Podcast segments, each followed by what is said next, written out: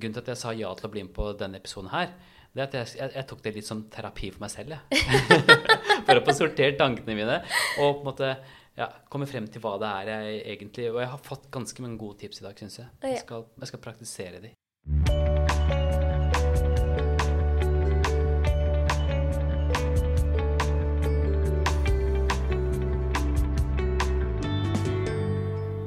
Hjertelig velkommen til podkasten 'Leger om livet'. Jeg heter Anette, og jeg jobber som lege. Og i denne podkasten ønsker jeg å gjøre nyttig og god kunnskap om kropp, helse og sinn lett tilgjengelig for alle. I dagens episode så har jeg med meg han eh, Wasim Sahid. Han er en veldig dyktig lege som jeg tidligere har laga en episode med. Og denne episoden ble overraskende eh, ærlig og åpen. Og vi snakker om hva vi tror skal til for å få et godt liv, og hva forskningen viser skal til. Wasim han snakker om eh, hvor han er i sitt liv, og jeg snakker litt om hvor jeg er i mitt liv. Og jeg håper at dagens episode kan være til nytte for deg også.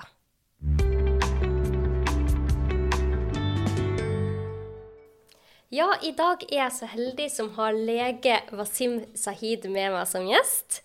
Han er spesialist i indremedisin og har grenspesialisering innenfor kardiologi. Han er forfatter og har skrevet tre bøker. Den ene hadde vi jo om forrige gang han var gjest. Eh, 'Hemmeligheten' heter den. Og han har en veldig populær YouTube-kanal. Twitter-konto og har titusenvis av følgere her i Norge. Han er å se på TV-programmet 'Hva feiler det deg?' Og han er også far og ektemann. Og nå har jeg bare tatt med meg halvparten av det hans bragder. Hjertelig velkommen, Wasim. Tusen hjertelig takk. Hyggelig å være her igjen. Ja, det er så hyggelig at du ville komme tilbake. Ja, men Jeg syns vi hadde så bra samtale forrige gang. og masse spørsmål som har dukket opp underveis, eh, altså i etterkant. da. Så Ja. jeg tenkte at eh, neste gang jeg møter Anette, så må jeg spørre om de tingene. Så her er vi igjen. Ja, vi har fått, jeg har fått mange spørsmål etter denne episoden. Og, og blant annet så er det mange som er bekymra for om du ikke får sove nok, og lurer på om du har fått eh, sove mer etter vår siste samtale. Uh, nei, altså, jeg, jeg har jo ikke det.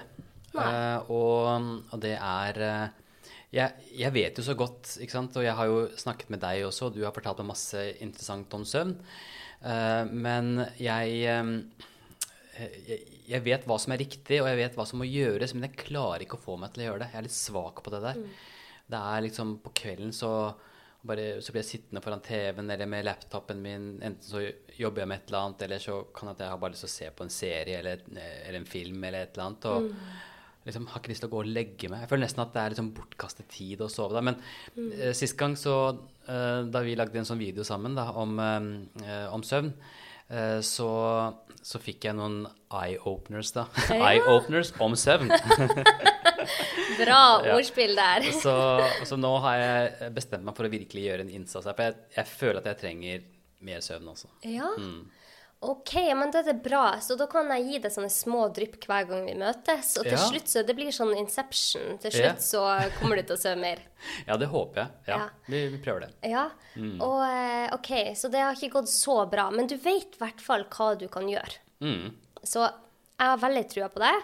Oh, og takk. vi kan eh, ta en liten sånn peptalk etter innspillinga med hva vi skal gjøre med søvna di, Wasim. Jeg skal også ha en episode senere i, i denne sesongen om søvn, så da kan jeg sende den til deg. Ja, den skal, jeg- den skal jeg lytte til.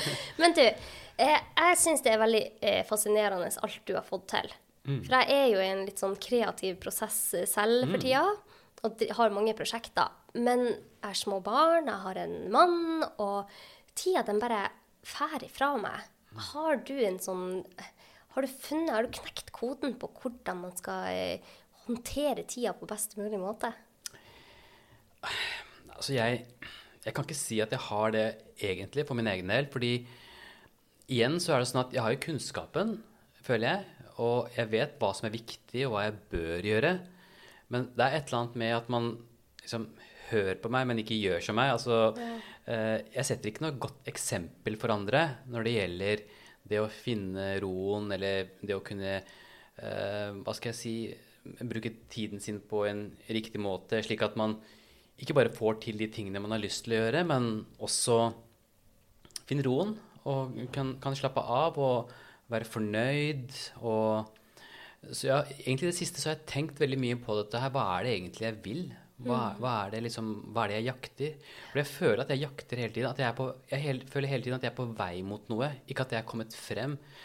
Så jeg har jo veldig lyst på den følelsen av at jeg har landet, at jeg har kommet frem, og jeg finner en ro med at nå er tingene slik de er, slik jeg vil de skal være. Mm. At jeg ikke trenger å på en måte jage til andre nye ting jeg må oppnå. For er, jeg opplever det som stressende også. Så jeg har egentlig ikke jeg hadde jo, Egentlig hadde jeg håpet at, jeg at, du skulle gi meg noen gode tips i dag. Da, hvordan jeg kan finne, jeg finner roen. Og, ja. uh, for, for, jeg føler at jeg har en sånn veldig sånn indre uro. Mm. Uh, og det har jo også veldig mye å gjøre med denne YouTube-kanalen som jeg har, og um, alt det andre engasjementet. Altså hele tiden et press om å produsere noe nytt, lage noe nytt, noe som er interessant. Og hvordan går det med seerne? Får jeg nok views? Ja. Uh, er det jeg lager, interessant? Jeg må komme opp med mm. enda mer spennende temaer. Uh, og det er på en måte de tingene som gjør at jeg bl.a. også ligger uh, våken og ikke sover så godt som jeg bør, fordi mm. de tankene bare surrer i hodet på meg. da. Mm. Så du er jo Jeg vet jo at du har jo en del baller i luften nå, du også. Mm. Du har denne podkasten din, som er jo fantastisk spennende. Eh, og så har du liksom Ja, du jobber med så mange andre ting også. Så, så jeg, jeg, jeg, tenker jo at det er Det er litt sånn tveget, egentlig. På en side så er det jo veldig gøy å få til disse tingene her, og, og, og stadig på en måte komme inn på nye arenaer og sånt. Men så vet jeg også at det, er, det medfører en viss uro og, og stress også. Som, mm. Man må finne den balansen mellom de to. Mm. Og det er vanskelig. takk for at du er så ærlig, Wasim. Fordi jeg tror at de fleste av oss føler akkurat sånn som deg. Mm. Men så enten så klarer de ikke å sette ord på det, eller så tør man ikke å sette ord mm. på det.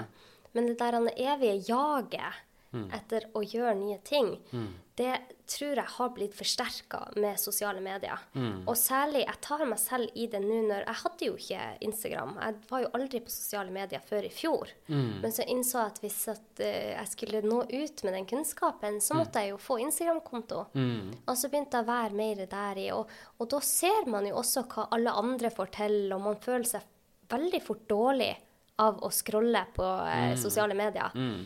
Og sånne tips som jeg eh, har gitt på podkasten, og som jeg følger, jeg prøver å følge de så godt jeg kan selv, er å ikke være der mer enn nødvendig. Fordi at mm. en time på, med scrolling, det går skremmende fort. Mm.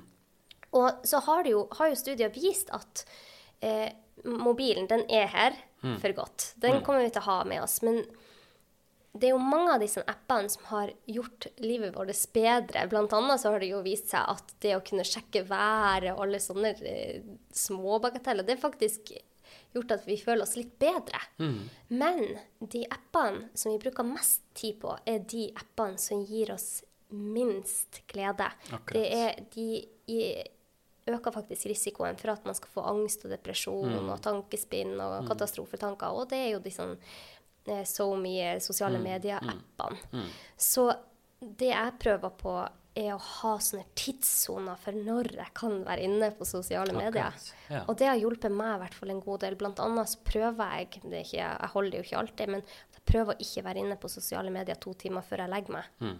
Fordi at da skal du skal forberede hjernen din til en hvile, da. Mm. En dyp hviletilstand som du skal inn i. Mm. Og hvis du scroller på uh, sosiale medier, så øker du hjerneaktiviteten. Og dette er en ny forskning, jeg må bare fortelle, for jeg syns ja. det er så ja. spennende. At uh, uh, det er for lite forskning på det, så det, jeg skal ikke si det helt sånn bombastisk nå. Men man har forskjellige hjernebølgeaktiviteter. Mm. Ikke sant? Og så hvis man sier det helt forenklet partikler, så har man beta-waves, beta-hjernebølger, alfa, som er de under, som er litt mindre hjerneaktivitet, og så har man delta og teta, som man har når man sover, mm. og under meditasjon kan man faktisk oppnå en av de. Men eh, når vi ser på TV eller er på sosiale medier, vet du hvordan bølgeaktivitet vi har da? Vi tror jo at vi slapper av, ja, ja. men vi er i betamodus helt oh. en høye bølgeaktiviteten som vi har når jeg og du har en samtale. Akkurat. Den kommer når du scroller. For at hjernen din skjønner jo ikke er dette en make som du skal gifte deg med eller Mm. reprodusere deg med, Ah. eller er, er dette, denne slåsskampen eh, Skjer den i mitt liv? Hjernen klarer ikke helt å forstå hvordan det her henger sammen. Mm. Så du er enten beta eller har i beta, som er når du har angst og panikkanfall. Da går hjernebølgene dine sånn kjempefort. Det kan skje når du er på sosiale medier eller ser på TV. Så jeg prøver å unngå å ha disse hjernebølgene rett før jeg legger meg, for at da skal vi i hvilemodus. Og man kan få disse alfabølgene som er litt eh, roligere. De får du hvis du går tur, leser bok. Mange tenker jo at bøker og TV er det samme, men det er det ikke. Så det er veldig interessant, Ja. egentlig. fordi jeg har jo akkurat samme opplevelsen. At det, virker, det er veldig avslappende å bare sitte og se litt på YouTube eller se på Instagram, scrolle nedover, eller på TV. Og det virker veldig avslappende. Og jeg tror intuitivt at det å lese bok er mer anstrengende eller mer aktiverende. Fordi liksom, du, må, du må være litt mer eh, fokusert, eh, føler jeg, da, sant, når du leser bok. Men det er veldig interessant at du sier at det faktisk så har det motsatt effekt på hjernen.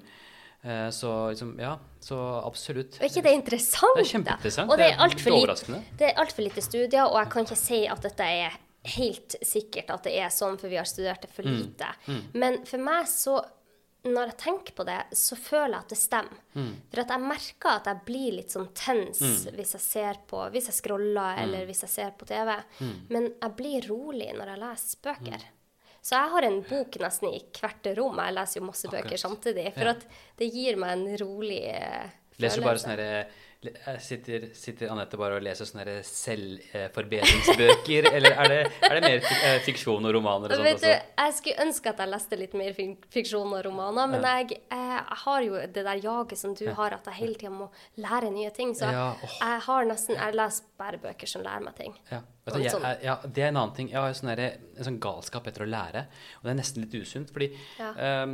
Det liksom, Hver gang jeg ser altså, et eller annet som virker litt interessant, så er liksom min første tanke at her må jeg gå enda mer inn i dette her og, og lære det enda mer. Så blir jo tanken min at her må jeg på en måte bare slå det opp og google og lære mer, eller eh, finne en bok som handler om dette her, slik at jeg kan fordype meg enda mer i det. Eh, så, men, men det er kanskje ikke sånn dum ting likevel. Hvis, I hvert fall hvis det føler at det er bøker jeg finner frem for å, måtte, for å sette meg inn i det. Da. Ja, hvis du ikke scroller, så tror jeg det er mye bedre. Men det er rart, for jeg har det på akkurat samme vis. Jeg er nødt til å finne ut av ting. Når noen sier noe til meg, så er jeg nødt til å fordype meg i det. Og det, når noen snakker om hjernen, så må jeg lese en bok om hjernen og stemme det her. Og det er, det er jo så utrolig givende. Og jeg føler at en av mine meninger man, Alle må jo finne sin mening med livet. For noen så er det barna sine, eller så er det jakt eller sjakk. Men For meg så er det å lære meg nye ting. Og jeg tror at de fleste av oss får det bedre med oss selv hvis vi utvikler oss og lærer nye ting. Ja. Så jeg tror det er Om det, du skal lære deg nye ting i sjakk eller i jeg vet ikke, innebandy. Mm. men jeg tror det er en av eh, de faktorene som påvirker hvor bra vi har det med oss selv. Mm. Og så, når vi er inne på dette med å ha det bra med seg selv, hva, hva føler du? Hva gjør, gjør deg glad? Hva som gjør meg glad Eh, det, Jeg blir veldig glad hvis eh, videoene mine på YouTube gjør det bra. At eh, de når ut til mange. Ja. At det er mange som ser på. Ja. Og det er jo egentlig Når jeg, når jeg hører meg si det, så tenker jeg bare ah, det er litt falskt å si det. Men jeg skal være ærlig, så på en måte I hvert fall når du jobber veldig mye med en ting og, og vil lykkes med det, så gjør det meg faktisk glad når jeg lykkes med det. Jeg må bare si det. Eh, men det er på en måte én ting. Men det skjønner jeg jo kjempegodt. Du jobber jo kjempehardt for det. Ja, ikke sant? Så da, du får på en måte den der belønningen da, når, når folk faktisk setter pris på det du har jobbet hardt med. Men ellers så må jeg jo si at liksom, det som gjør meg veldig glad, er faktisk å være sammen med familien min. Eh, barna mine, kona mi. Eh, altså i, i helgene at vi spiser middager sammen, eller drar på en eller annen tur sammen. Eh, går på restaurant sammen, sitter og ser på en film sammen. Eh, og når jeg, når jeg tenker over det, så er det egentlig de hyggeligste eh, øyeblikkene jeg har. Det er sammen med dem. Eh, sammen med folk, å være sammen med folk jeg er glad i, da. Eh, så det, det er jo noe jeg på en måte tenker bevisst på. At jeg, jeg, jeg, har veldig lyst til å innrette livet mitt på en sånn måte at jeg kan fortsette med disse tingene som jeg på en måte er engasjert i, og produsere innhold og videoer eller eh, hva det måtte være på, på nettet eller bøker eller hva det måtte være. Men at jeg samtidig har mer tid til familie og barn. Og, for jeg, nå har barna mine begynt å bli store, så jeg kjenner veldig på at, at dette her er en tid som går over. Altså, jeg har barna på, på lån, da. Eh, og, og det kommer etter hvert til å bli Nå er det veldig livlig hjemme hos oss, fordi vi har fire barn. Og Ja. det, enhver middag hjemme hos oss er jo et festmåltid Ja. av barna, fordi de er så morsomme. Liksom, de er tenåringer, de er så mye å fortelle. Men det kommer til å bli tomt igjen. Eh, og, og jeg har et veldig godt forhold til kona mi, heldigvis, så vi har jo masse å prate med, vi også. Men det er noe annet enn å ha på en måte det, det livet rundt bordet og, og latteren og alt det der. Så jeg er veldig bevisst på at det er noe som kommer til å bli mindre, da. Hvor gamle er barna dine? Eldste er jo 18, Oi. og yngste er 12. Ja. Så, og nå, alle er jo tenåringer nå, eh, snart. Ja. Eh, så ja, jeg vet Tiden går. ja, tida går, herre Mm. min. Ja, Så du er i et sted der du ser at det kommer til å skje en endring, Ja, ja. og så lurer du litt på hvem du er i det hele, og hva du skal gjøre. Absolutt. Og jeg tenker at eh, mer enn noensinne så er jeg på en måte veldig opptatt av dette her med liksom Hva er meningen med det hele? Hva, hva er det som er viktig, egentlig? Og hva er det som eh, Hva er det jeg vil? Hva er det jeg vil oppnå? Eh, og ja, så det Jeg tenker veldig mye på det. Eh, og, liksom, og dette her med å, å være aktiv på sosiale medier, eller være aktiv i media, og det å ha en stemme liksom, At the end of the day, er det så viktig egentlig? Og, og jeg jobber så mye med det, og, men la oss si om noen år, da, når jeg ikke er inn lenger Jeg antar jo at en eller annen gang så kommer ikke jeg til å være så inn lenger. Og hvem er det som kommer til å huske at det var noen som var Wasim, som på en måte drev med alle de greiene der? Eller f.eks. når jeg ikke lever lenger, da, hvem er det som husker meg da? Eh, Så De vil jo jo- huske deg hvis du hjalp dem. ja. Så det, det driver i hvert fall meg. Mm. Og jeg tror nok at du hjelper veldig masse, mange folk. Mm. Og de vil alltid huske deg hvis de lærte noe som endra deres liv. Mm. Det er et viktig poeng. Det er et viktig poeng. Altså det, og det, det er en annen ting som gjør meg glad. Det er når jeg får tilbakemelding fra folk som, eh, som har satt pris på noe jeg har gjort, da, som, som forteller meg nettopp at, at det jeg gjorde, endret noe i livet deres. Ja. At, eh, at de fikk det bedre, at de ble lykkeligere. Eh, og, og det er også noe som gjør meg, meg veldig veldig glad. Og det, jo- og det er jo sånne ting som gjør at det er verdt å fortsette da, og med, det som, med dette stresset her, egentlig. Men det er, det er, livet, det er Ja, det er et vanskelig, komplisert og, og spennende prosjekt. Men jeg tenker at det å klare å finne en måte å ha det bra i livet sitt, er jo det ultimate målet. Mm. Og eh, jeg, prøv, jeg bruker Før så jakta jeg alltid på lykke. Jeg var veldig opptatt av at jeg skulle bli lyk lykkelig. Ja. Og i mange år så leste jeg kun sånne bøker som du nevnte, sånne selvhjelpsbøker. Jeg leste bare hva som skal til for å være lykkelig, hva som skal til for å gjøre det og det. Og det jeg fant ut heldigvis etter hvert, var at det er ikke lykken som er For lykken, den kommer bare i sånne tak gjennom eh, livet. Men for meg så er i hvert fall min, eh, mitt mål i livet nå er å være tilfreds. Å være tilfreds det er noe som er stabilt. Lykke kommer og går hele tida. Men det å være tilfreds i livet, det kan ikke noen ta fra deg, for det er du i bunn og grunn. Og jeg sa dette til broren min, og da sa han altså du mener da at eh, tilfredshet er som et edderkoppspinn, og så er det jo større edderkoppspinn, jo lettere er det å fange fluen som er lykke. Og det syns jeg var så utrolig Ja, god sagt. måte å Ja. tenke på det på. Ja, ja. For det tror jeg, hvis du er i grunnen tilfreds med livet, du har det bra hjemme som det høres ut som du Mm. har, Eh, så tror jeg det er òg lettere å få disse lykkeøyeblikkene. Mm. Men hvis man er generelt utilfreds med hvem man er, eller hvor man er, Mm. Som jeg har vært i mange år av mitt liv Jeg har heldigvis kommet over den tida der, men det, det er veldig slitsomt. For at Mm. du kan ha lykkelige øyeblikk, men da kom, krasjer det fort. Mm. Så det å finne noe man brenner for og er tilfreds med, det, Ja, det, jeg tror det Jeg tror det er et kjempeviktig poeng. Og det å være tilfreds. Og det handler jo litt om det på en måte jeg sa i stad også. Det handler jo om å finne roen. At liksom, Ja. nå har du kommet frem. Det er godt nok. Du har oppnådd. Og nå skal du liksom bare cruise inn, da, for å si det på den måten. Ja. Og eh, slappe av og, og nyte det du har oppnådd. Og det er jo som For meg så er også det en del av den tilfredsheten, da. Og Ja. jeg tror det er veldig viktig å jeg sier det, men jeg eh, praktiserer det jo ikke. Men altså å, å fortelle seg selv at ja, det du har oppnådd, er bra. Det er godt nok. Ja. Og trenger ikke å vokse ytterligere. Trenger ikke å få enda større YouTube-kanal eller selge enda flere bøker. Det er faktisk ganske bra, det du har gjort og allerede. Ja.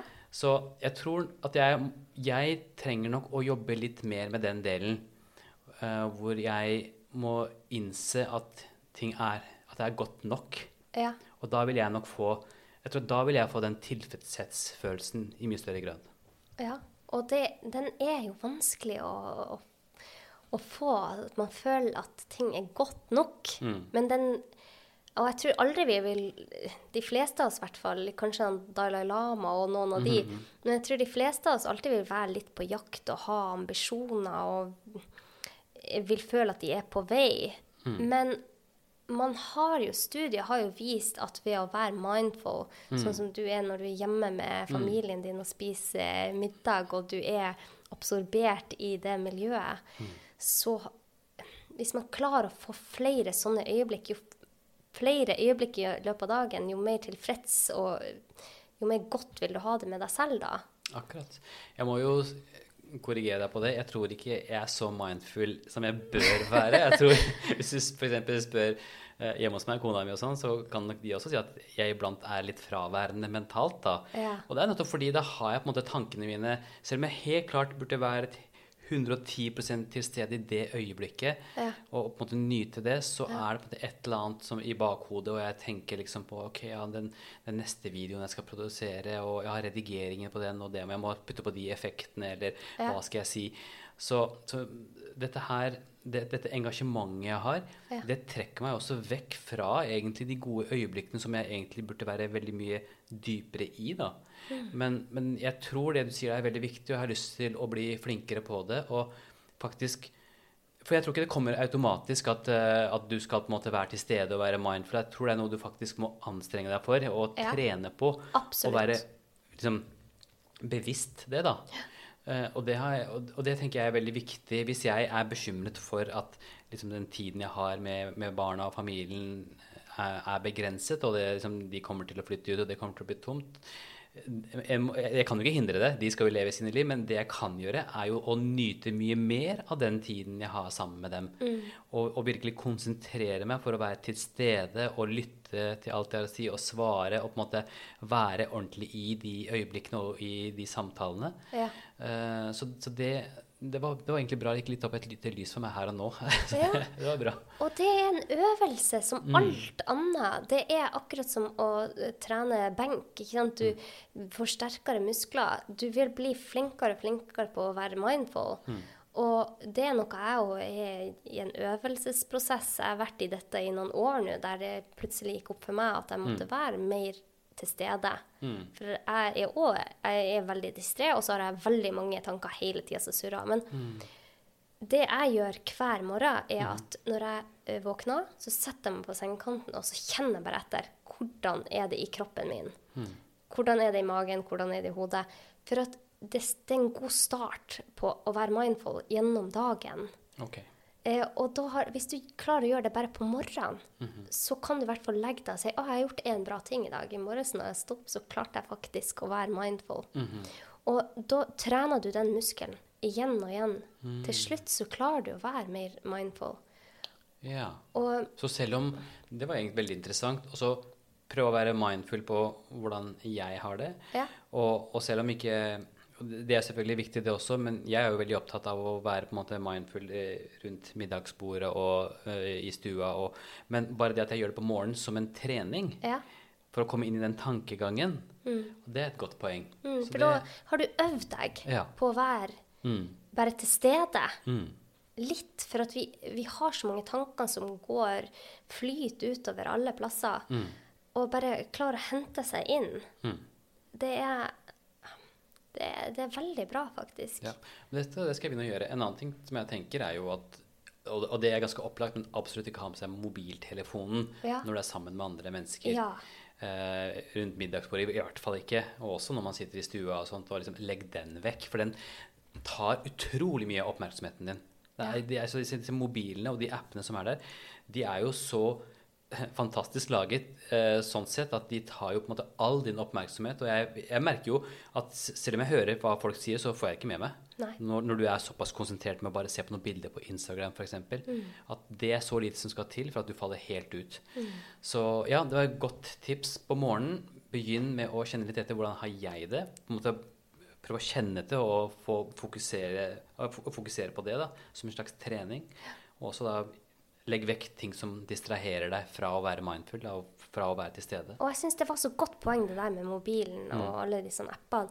Og eh, jeg må bare supplere der at det å skru av eh, notifications Jeg vet ikke hva det er på norsk, men Ja.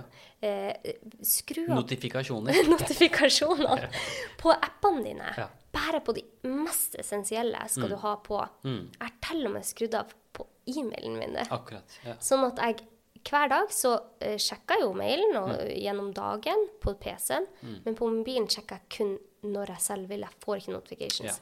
Og hvis du har klokke, skru av at den er kobla til mobilen din. For at det har jo vist seg at når du får en notification eller får en e-mail, og du er midt i noe, så tar det hjernen din 5-15 minutter å omstille seg til neste prosess. Så når du bare svarer på den meldinga og går tilbake til jobben din eller tilbake til barna dine, så tar det 5-15 minutter før hjernen din i det hele tatt klarer å skjønne å, hva som skjedde nå. For vår hjerne er jo på savannen der det ikke var notifications og masse sånne Ja. um, hindringer hele tida som kom Eller hva skal man kalle det? Mm. Eh, men bare det å være klar over det, når jeg skjønte hvor stor innvirkning det hadde, Mm. så har jeg i hvert fall skrudd de av. For at det er umulig å ikke se på meldinga når du først får den. Mm. Da, er du, da er du tatt i det spindelvevet. Mm. Eh, men hvis du ikke vet at du har fått den, så vil du automatisk være mer mindful. Ja. Jeg er helt enig, og, og klokka irriterer meg også.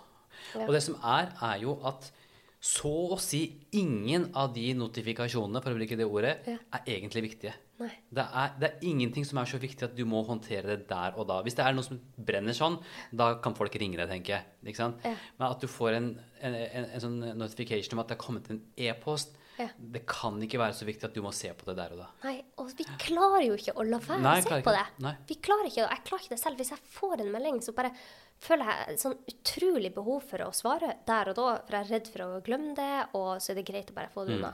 Men hvis du aldri visste at du fikk den Mm, ikke sant? ja. Ja.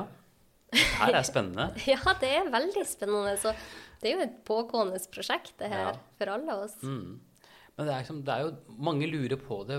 Hvordan skal man finne lykken? Eller hvordan skal man ha det godt i livet? Ja. Vi kan jo ta noen grunnleggende ting, da. Som Ja. jeg, jeg har tenkt ikke sant, en del på det. Nå snakket de jo på en måte veldig Kanskje litt svevende om en del ting. Men Ja. det er Jeg tenker at det er noen ting som bør være noenlunde i orden for at man skal ha det godt. Og vi kommer ikke utenom dette her med helse. Det, jeg tenker ikke at du må på en måte at, hvis du har sykdom, så kan du ikke være lykkelig. Det er ikke det jeg mener. Eh, fordi det er mange som kan leve med en kronisk sykdom og, og likevel fungere bra og, og ha det godt og ha familien sin og være lykkelig og alt dette her. Men for meg så er det liksom Hvis man skal se totalt sett på eh, å ha det godt, så er det nok viktig at, at du har en viss helse på plass.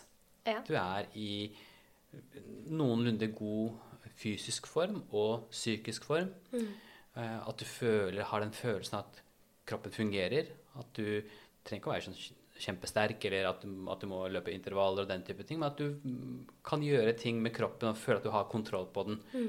Eh, jeg, tror, jeg, jeg tror det at, at du har en viss mengde med god helse, eller en viss mengde med helse, er noe som bør være på plass for å ha det godt med deg selv. Da. ja, det hjelper i hvert fall på. Mm. Og så er det altså selvfølgelig det emosjonelle. At du er i forhold som er sunne for deg.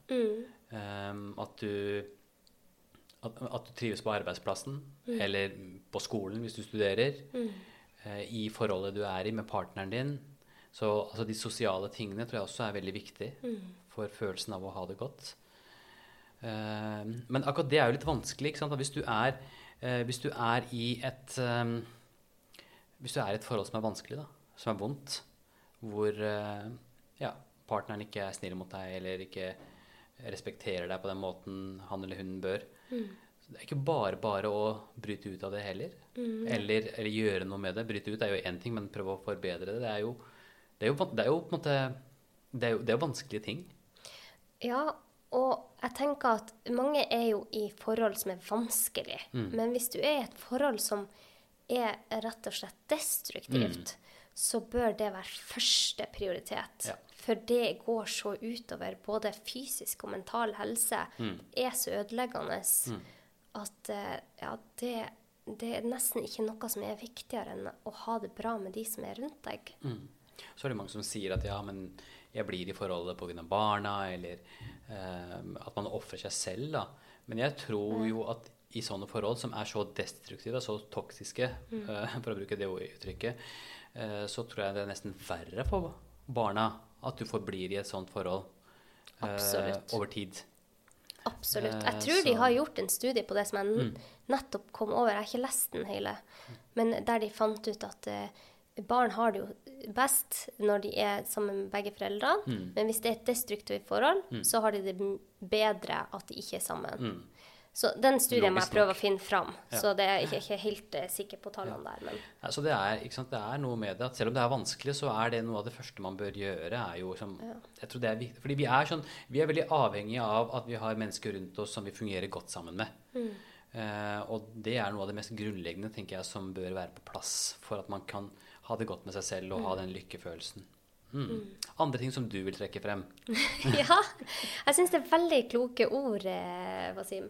Jeg tenker at dette med relasjoner det er så mye viktigere enn jeg trodde før. Mm. Så det er noe jeg har så vidt begynt å prøve å endre på selv. Mm. Fordi at det er jo Har du hørt om den Harvard-studien som har gått over 70-80 år? Mm. Og der fant de ut at den single mest eh, potente eh, faktoren. faktoren. for mm. å leve et godt liv var relasjonene mm. ja. dine. Og det syns jeg er kjempespennende. Og jeg har ikke tenkt over hvor viktig det er for helsa. Og når man vet at det er så viktig for vår fysiske helse også, mm. så mm. jeg blir i hvert fall veldig motivert av sånt. Og jeg er en sånn person som har veldig mange rundt meg. Jeg har veldig mange venner. Eh, og mange jeg ikke rekker over. Jeg har alltid mm. dårlig samvittighet for det. Mm. Men det hjelper ikke å ha veldig mange venner. Du må ha sånn nære, gode, gode relasjonene. Og de ja. må du pleie. Absolutt. Og jeg har konstant dårlig samvittighet, for ja, jeg, jeg har så ja. mange utrolig flotte folk som jeg skulle ha prioritert. Og da vet jeg at jeg er nødt til å prioritere annerledes. Må gjøre en innsats, rett og slett. Jeg, er også, jeg har blitt bare mer og mer klar over hvor viktig det er. Og det er litt interessant. Jeg var på et eh, foredrag med Serena Tonstad, som er jo på en måte en av de store autoritetene innenfor norsk preventiv kardiologi, da, altså de som forebyggende hjertemedisin. Uh, og det var egentlig et uh, ganske straightforward foredrag om forebygging av hjertesykdom. Yeah. hvor hun hadde tatt for seg alle tingene. Men det som jeg syntes var veldig gøy, var at når den kom på siste sliden, så hadde den samlet opp hva, altså, hva man bør passe på. Da, og da var det sånn typisk ikke røyke eh, ha normalt kolesterol, eh, sørge for normalt blodtrykk, fysisk aktivitet, alle disse tingene her. Og så sto det også gode sosiale relasjoner. Så det, det, var et av de punktene som hun anbefalte som eh, professor i kardiologi for å forebygge hjertesykdom. Og så mye betyr det, ikke sant. Ja, tenk var, det. Ja. Og du trenger, du trenger, bare ha én god relasjon for at mm. det skal eh, god innvirkning på helsa di. Ja. Og når man tenker etter, så er det veldig logisk ja. at gode sosiale relasjoner er viktig. Eh, jeg har jo bakgrunn fra Pakistan. og Jeg vet ikke om jeg har fortalt dette sist gang også, men vi har et uttrykk i, eh, i Pakistan. Hvis jeg oversetter det, så blir det at hvis du deler en sorg med noen, så blir den mindre. Hvis du deler en glede med noen, så blir den større. Ja. Og det viser jo noe om hvorfor måte, det er viktig å ha gode venner rundt seg. For når du er nedenfor, mm. så er de der, og de støtter deg, og de hjelper deg, og de gir deg emosjonell støtte og holder rundt deg. Mm. Uh, og når du har det bra, så er de der og feirer sammen med deg. Så på en mm. måte det er så mange gode effekter da, av Ja. å ha uh, snille og gode mennesker rundt seg. Ja, og jeg tror at det, det er mange kulturer som er kanskje litt bedre til å samle seg eh, enn vi kanskje er i Norge. Fordi vi er jo Det som er veldig bra, at vi er jo veldig individualister. Vi skal få til ting selv og sånn. Men vi tar bort den der, det samholdet som er så elementært for oss. Og hvis man tenker evolusjonsmessig på det, så overlevde vi ikke før i tida hvis vi var alene. Nei, absolutt ikke. Og, og det å være ensom er jo Ja. Men det er litt interessant hvorfor måte, det har blitt sånn i Norge. da. Fordi det er jo en utvikling, det er ikke bare Norge, men kanskje Norden eller Vest-Europa, at Ja. man har blitt mer sånn individorientert og har vel sannsynligvis en eller annen sånn filosofisk eller kulturell forklaring om hvordan utviklingen har vært, så har det blitt sånn. Ja. Men jo lenger sørover og østover man kommer, så er det jo annerledes. Man har stor storfamiliekonseptet. Nå sier ikke jeg at det er på en måte det ideelle konseptet heller, men uh, man samles mye mer. Eh, Mennesker samles mye mer. Ja. Uh, og og jeg, jeg ser jo helt klart på en måte det fine ved det. å, å, å samles. På den annen side, da, så Jeg pleier å tulle litt med dette her. Her i Norge så har vi vært relativt heldige med den covid-pandemien. ikke sant? Eh, det har ikke vært, eh, vi har ikke vært så hardt rammet som mange andre land. Mm. kanskje fordi vi er litt liksom Dette med sosial distansering. Ja. Det var ikke så vanskelig for oss. Nei. vi er sosialt distanserte fra før. Ja, ja, ja, ja, ja. Hvis du går, liksom, I storbyene er én ting, men hvis du går litt ut av storbyene, ikke sant, så er det liksom kilometer mellom hvert hus. Eh, så, så noen fordeler har de også hatt, da. Ja da, det har hatt eh, fordeler. Men for helsa vår så eh, må vi finne en eller to som man kan eh, laste av. Og så hørte jeg en plass som jeg syns er så bra, som, eh, som jeg har tenkt på mye i etterkant, er at hvis du møter på en utfordring og står i det helt alene, så blir det en trussel. Men hvis du møter på en utfordring og vet du har en eller to i bakgrunnen som mm. tar deg imot hvis noe skulle skje, så er det bare en utfordring. Mm. Det minner meg om en annen, eh, et eksperiment som jeg leste om. Eh, så det var noen eh, professorer i psykologi som tok med seg studentene sine. Og så kjørte de ut til et område hvor de kunne se bort på et fjell da, fra siden. Ja. Og, og så skulle studentene de skulle bedømme hvor bratt det fjellet var, altså stigningen. Ja. Og noen studenter fikk stå sammen med vennene sine, altså folk de kjente, mens eh, noen eh, ikke gjorde det. Enten sto alene eller sammen med folk de ikke kjente. Ja. Og- så skulle de da prøve å bedømme hvor bratt dette fjellet er. Og det de viste seg, det var at de som sto sammen med venner eh, og samarbeidet om å vurdere helningen på fjellet, Ja. de bedømte det til å være mye mindre bratt Nei, enn de som sto alene. Og det er jo noe av det samme som det du sier. ikke sant? At når man er, når man er sammen med noen og har den tryggen at jeg står sammen med vennene mine, så, så virker på en måte tingene litt lettere. Du ser lettere på ting. At det er ikke så vanskelig. ja. Eh, og det var veldig interessant at de klarte å vise det med det eksperimentet der, tenker jeg. Det er veldig fascinerende. Men da må vi nesten komme til hva kan vi gjøre for å få gode relasjoner? Ja. Og det er jo, det har jo du sagt allerede. Det er sånn det er med alt. Ingenting kommer gratis. Ingenting kommer av seg selv. Du må gjøre en innsats. Og, og skal du ha gode venner, så må du pleie venneforholdet. Du må faktisk sant? invitere på middag, eller dra ut sammen, eller gjøre, gå tur sammen, eller hva som helst. Gå på kino, et eller annet restaurant. Så man må faktisk bruke tiden på det, da. Tenker jeg. Du, du blir ikke flink til noe uten å øve. Nei, jeg vet det. Mm. Så det er kanskje det første. Det er første. Ta, bare bruk tid. Ja. Vær sammen. Altså, ja, du må bare gjøre det. Og, og så er det jo eh, ja, så, Men det er jo én ting. Det er jo et aspekt. Så sosiale relasjoner er viktig. Og du må jobbe med dine sosiale relasjoner for å få dem til å bli bra. Så det er jo greit. Ja. Men så har vi snakket om disse andre tingene også som også bør være på plass for at man skal ha det godt med seg selv og ha det godt i livet. Ja. Eh, og liksom Ja. Det, og dette her er jo det med tilfredsstillelse. At du, at du føler at du eh, har oppnådd de tingene du har lyst til å oppnå. At du er eh, At du har fått realisert ambisjonene dine, ønskene dine. At du ikke går rundt med følelsen av at at du ikke fikk gjort det du gjerne skulle gjøre. da. Mm. Så det er et eller annet med at du må ha en sånn tilfredsstillelsesfølelse også. Mm. Hvordan syns du man skal få den? Hva skal man gjøre for å få den? Fordi man kan jo ikke nødvendigvis oppnå alt man har ambisjoner om. Nei, jeg vet det. Det er noe med å akseptere. Ja, for at man kan ikke få til alt, men man kan få til én ting. Ja. Eh, så man må prioritere. Mm. Sånn som jeg, jeg er jo egentlig spes Jeg spesialiserer meg egentlig til å bli hudlege. Mm. Og jeg syns hud er kjempespennende, så jeg elsker å jobbe med det. Men jeg så at jeg ikke kunne spesialisere meg som hudlege samtidig som jeg hadde podkast, for det tar så mye tid.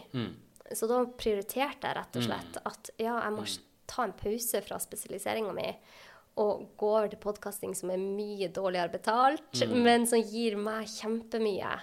Så det, man må jo prioritere hva man vil gjøre. På den annen side så er ikke det en situasjon som alle kan være i heller. Nei. Eh, så Nå skal det sies at jeg jobber 50 i tillegg. Ja da, det, du jobber masse, du.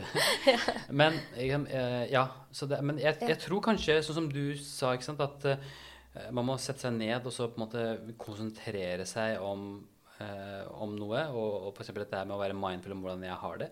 Kanskje for at man skal lettere få den derre tilfredshetsfølelsen, sette seg ned og tenke litt gjennom hva er det egentlig som er viktig for meg, som jeg har lyst til å jobbe med og oppnå. Ja. Og sortere det ut.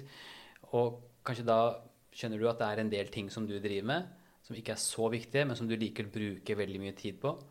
Og som egentlig bare bidrar til den derre ufullkommenhetsfølelsen. Så kanskje færre mål. Ja. Og, og tenke litt bevisst igjennom hvilke ting vil jeg egentlig oppnå. Og Ja. heller jobbe litt mer konkret Og det trenger jo ikke være en jobb. Nei, det kan nei. være det at eh, sånn som du, du vil være mer mindful med familien din. Hvis du når det målet, så tror jeg faktisk Jeg tror ikke det er så mange mål som vil gjøre en lykkeligere, men å være mindful tror jeg kan gjøre at du blir litt lykkeligere. Eller mer tilfreds. Ja, Nå Hva prater vi si? vi oss litt bort. vi prater oss litt bort, ja. Men- Men en ting til. Altså, vi har vært igjennom at eh, de sosiale relasjonene må være i orden. Du må ha den følelsen av å være tilfreds. Mm -hmm. uh, vi har snakket om fysisk helse, at det bør være på plass. Det hjelper i hvert fall. Mhm.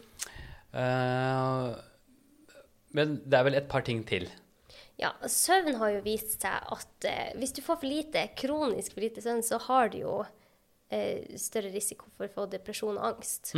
Og du merker det kanskje selv. Jeg, jeg merka det i hvert fall veldig med meg selv at når jeg sover dårlig en natt, Mm. så blir jeg mer engstelig Ja. eh, og mer irritabel. ja. Så det å få nok søvn det er en ting man kan prioritere hvis man ønsker å være mer tilfreds i livet. Ja. ja, det sier seg selv, føler jeg egentlig. Og jeg er så klar over det. Jeg er bare så fryktelig dårlig til å praktisere det selv. Men, eh, så søvn må også være på plass. Og så tenker jeg at eh, En gang så var det en kollega av meg som spurte meg hvis jeg skulle gi ett råd om bedre helse Hvis jeg av en eller annen grunn bare fikk lov til å gi et råd, og det er jo urealistisk, for det er ikke bare én ting Men hvis jeg skulle bare gi råd om én ting, eh, så kommer vi så ikke unna fysisk aktivitet. Så man må bevege altså, og Da tenker ikke jeg på at du skal gå og løfte vekter på treningsstudio og løpe intervaller på tredemølle og sånt, men at du har en kropp som er i bevegelse. Det tror jeg betyr ganske mye, altså. Ja, jeg er helt enig. Det er et veldig godt poeng. Ja. Så har vi da funnet kilden til å ha det godt. Ja, det tror jeg! Vi burde okay. skrive en bok om det her, Basim. Ja, og Kanskje du skal skrive en bok om det? Ja, jeg, jeg, jeg driver jo og skriver en bok, men jeg må få med meg de her tingene, for Ja. det var veldig fornuftig. Ja. Nei, men kjempebra, Basim. Jeg er så glad for at jeg kan få diskutere og prate om livet med deg. I like måte. Og jeg har jo tatt dette her egentlig Grunnen til at jeg sa ja til å bli med på denne episoden her, det at jeg, jeg, jeg tok det litt som terapi for meg selv, Ja. for å få sortert tankene mine og på en måte ja, komme frem til hva det er jeg egentlig Og jeg har fått ganske mange gode tips i dag, syns jeg. Jeg skal, jeg skal praktisere de. Så nå skal du hjem til familien og Mm. ha det fint. Ja, absolutt. Det skal jeg også. Ja, men da eh, sier jeg tusen hjertelig takk for at du ble med. Jeg kommer nok til å invitere deg tilbake. Vet du, Jeg blir med når som helst. Dette er så gøy. Ja, takk for oss.